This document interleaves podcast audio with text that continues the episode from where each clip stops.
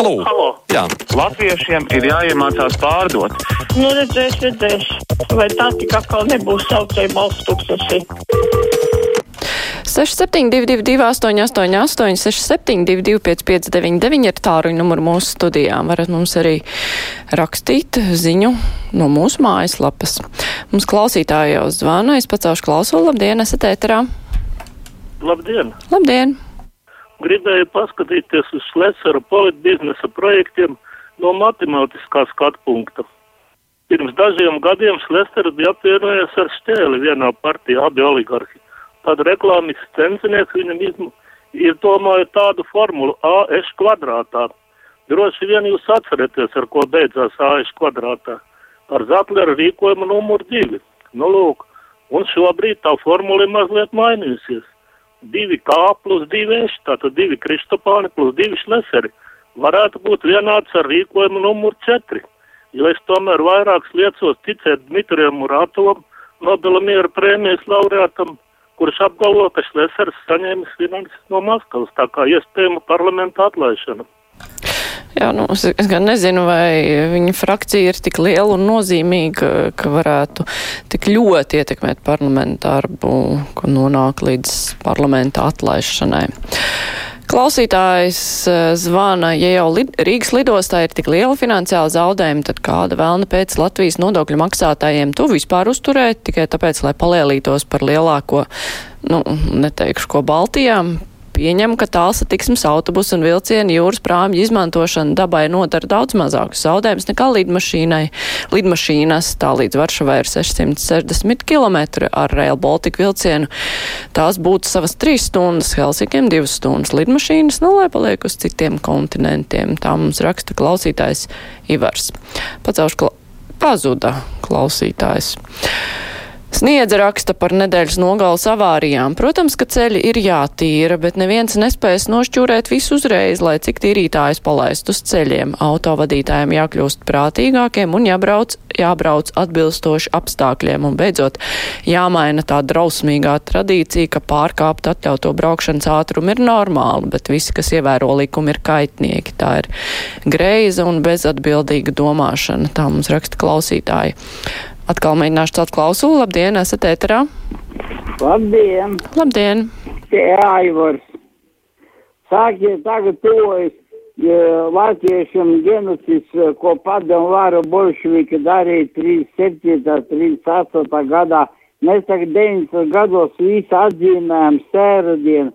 Par ko tagad kalendāros ir, um, kā saka, ar melna lente, bet par ko ne, neviens nerunā, viena vārdiņa par ebrejiem dienām stāsta, stundām stāsta visu ko. Tas ir liels genocīds, ka 40 tūkstoši nogalināja NKVD nošāva.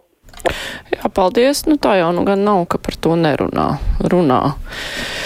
Tā Oskars raksta, kā lai mēs paganākam Igauniju, ja pat Latvijas radio žurnālistiem runājot par investīcijām, galvenais ir process, bet Igauniem ir svarīgs arī rezultāts, sausais atlikums, tāpēc arī Igauni jau sen ir sapratuši, ka pensiju fondi otrajā līmenī ka ej sekt un uzkrāt pensiju. Nesapratu tās vēstules noslēgumu, bet skaidrs, jā, ka Oskaram kaut kas ar to otro pensiju līmeni nepatīk.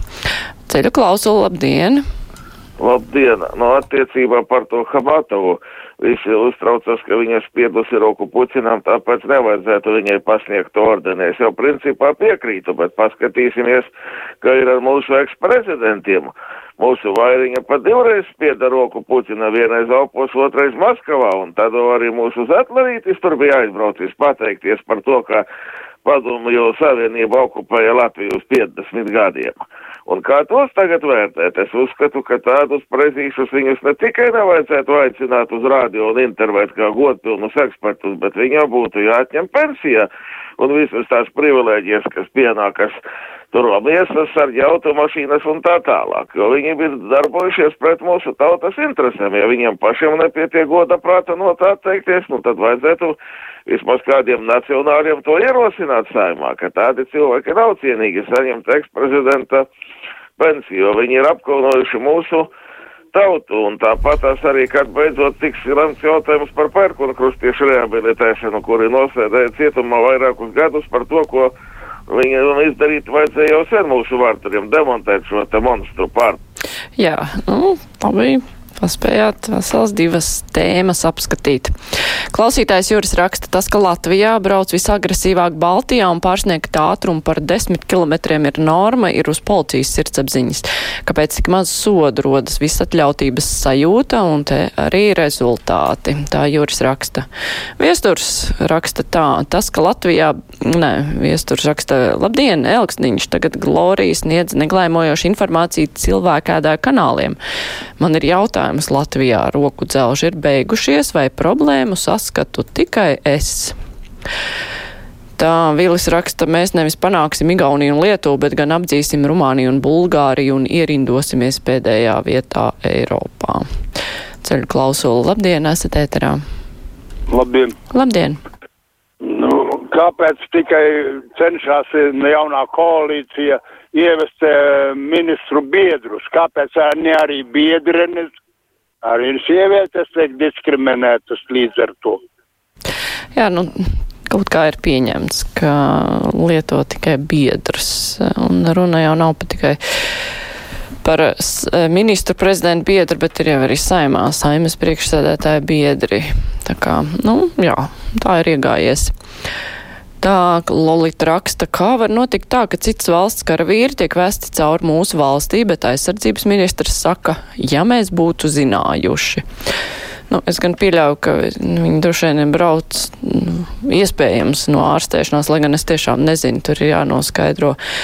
Un nav jau tā, ka karavīrs. Uh, jā, ka, tu, ka ir tas obligāti jāskaņo, ka viņi jau varbūt, varbūt kā privāta personas, bet nu, tur ir tiešām jānoskaidro, kāda tur ir bijusi tā situācija.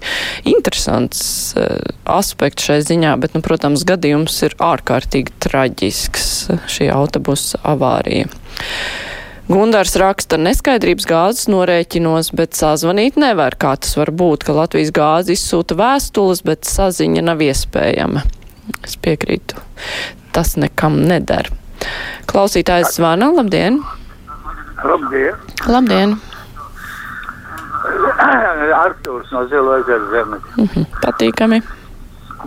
Saima tagad darbojas, strādājas, bet satversmē visi parastīsies, ka ievēros satversmes, zvērē, galvoju un Bet es pieprasīju saimā, lai no, ievēro 66. pantu valdības atskaita apstiprina, kā tad valdība ir strādājusi. Un 68. pants par āriem kredītiem. Viņi, kad ņem, tad to kredītu var lietot atbilstoši 68. pantam, kad saima to līgumu ir apstiprinājusi. Mēs tik ņemam kredītu, ceļam algas un ceļam nodokļus. Mm -hmm. Nu, jā, labi, paldies par viedokli. Rasma raksta, pīlēns Rajeva blēdību nosauca par problēmiņu. Gribēju noskaidrot, no cik eiro problēmiņa kļūst par problēmu. Tā raksta mums Rasma. Pacaušu klausulu. Labdien, esat ēterā. Labdien! Labdien! Uh, es gribēju pateikt, ka mēs esam super unikāla valsts, jo personas, kas pret valsts iekārtu un, un sēž saimā un lemj pa mūsu likteni, nu piedodiet, kuri drošības instances, nu cilvēki pārbrīnījušies par tādu. Jā, nu, jā, daudz tā domā un brīnās. Klausītājs zvana, labdien, esat ēterā. Labdien! Labdien. Es arī par gāzi. Uh, es lietoju tikai pavardu, un mēnesī man uh, es izlietoju vienu kubu. Un no gāzes atnāk rēķins, kur gāze maksā tikai eiro 30, bet kopīgā summa ir 5,13. Tātad trīs reizes vēl ir pieraksts par pakalpojumiem un nodokļiem. Nu, kā tas var būt, ka, ka produkts maksā lētāk par, par, par ie, iesaiņojumu? Man nav skaidrs.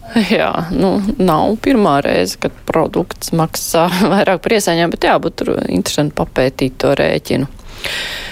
Tā Marija raksta Aivars no Latgales galvaspilsētas pareizi analizē Mērviķa Freiberga pat skrēja sumināt imperatoru uz sarkano laukumu. Ko nozīmē skrēja sumināt? Tā ir tāda jūsu interpretācija. Dzintars raksta, būtu interesanti uzzināt, cik tad reibumā pieķerto šoferu šajās brīvdienās ir bijuši virs pusotras promiles, ir stājušies spēkā grozījumi, kad par pusotru promili konfiscē auto. Nu, ja ir pieķerti, tad ir pieķerti, tad viņiem arī ir tas sots jāsaņem, bet, nu, kaut kā policijas statistika pagaidām nav dzirdēta. Protams, vēl ir jautājums, cik daudz ir bijuši kādi policijas reidi šajā laikā.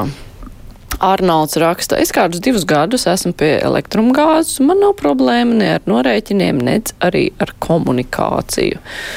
Nu, labi, ka tā. Tā klausītājs Guntis raksta, jaunā saima ir īsti bībeliska, ir pats sava Marija Magdalēna. Hm. Klausītājs Vana, labdien, esat ēterā. Labdien! Labdien! Man arī uztrauc uh, valsts drošības stāvoklis Latvijā. Uh, es jau domāju, ka arī uh, vidas, vidas ministrija uh, varēja noņemt no darba Elksnī, kurš ir atklāts pretinieks uh, Latvijai un Latvijas visai dzīvei, bet uh, Mitropānos paziņoja, ka, ja viņam būs teikšana, nu, vārdsakot, ja viņi ievēlēs saimā, viņš ieliks cietumā visus tos, kas deva rīkojumu nojaukt pieminekli, un par Osļakovu visi zina, un par to uh, Gloriju, un tāpēc es brīnos, kā valsts drošības dienests bija tik bezspēcīgs, ka nevarēja uh, aizturēt to uh, valsts ienaidnieku uh, nu, vēršanos un piedalīšanos vēlēšanās. Un es jūtos tiešām um, diezgan apdraudēta, tāpēc, ka man blakus dzīvo Krievijas militāristi, un es zinu, kā, kā, ko viņi jūt uh, pret, pret Latviju. Protams, tas nenozīmē, ka visi krievalodīgi ir ienaidnieki. Protams, ka nē, bet ļoti daudz, un tāpēc es uzskatu, ka valsts drošības dienas nebija savā līmenī. Paldies, ka uzklausījāt. Jā, paldies, ka zvanījāt. Nu, jā, tādas raizes ir daudziem rūp cilvēkiem, vai drošības dienests pat tiešām visu pieskata, kā nāks, mēs jau tā nevaram pārbaudīt, cik efektīvi drošības dienests strādā, jo tas viss ir slepeni, bet tas ir šobrīd ārkārtīgi būtiski. Normunds raksta, labdien, es atvainojos, bet visiem tomēr nav iespējams izsakot visām peripētijām, par kurām jūs iesmīnat noklusējat. Būšu pateicīgs, ja tomēr atklāsiet, par ko bija runa. Paldies, Normund. Es nezinu. Es tikai nolasu klausītāju vēstules, zemtekstus īsti nezinu. Paldies, brīvais mikrofons ar to arī izskan. Tagad būs ziņas, un pēc tam mums būs saruna ar uzņēmumu Ascenture valdes priekšsēdētāju Maksimu Jegorovu.